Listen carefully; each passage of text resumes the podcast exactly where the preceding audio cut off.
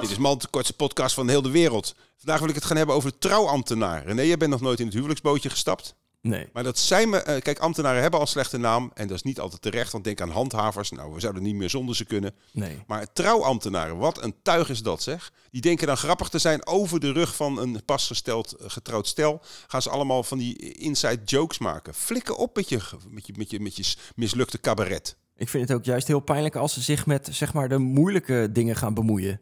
Zo van, ja, Jantje ging wel een keer vreemd, maar nu gaan ze toch trouwen. Zo van, ho, Oh. hou je bek. Ja, en dan hoort iedereen ook van de familie. Ja. Heb je ook o- ooit overwogen om te gaan trouwen? Ja, eigenlijk wel. Maar Ik zie jou daar wel in, in zo'n pak. het lijkt me wel romantisch. Dat je helemaal glimt van trots.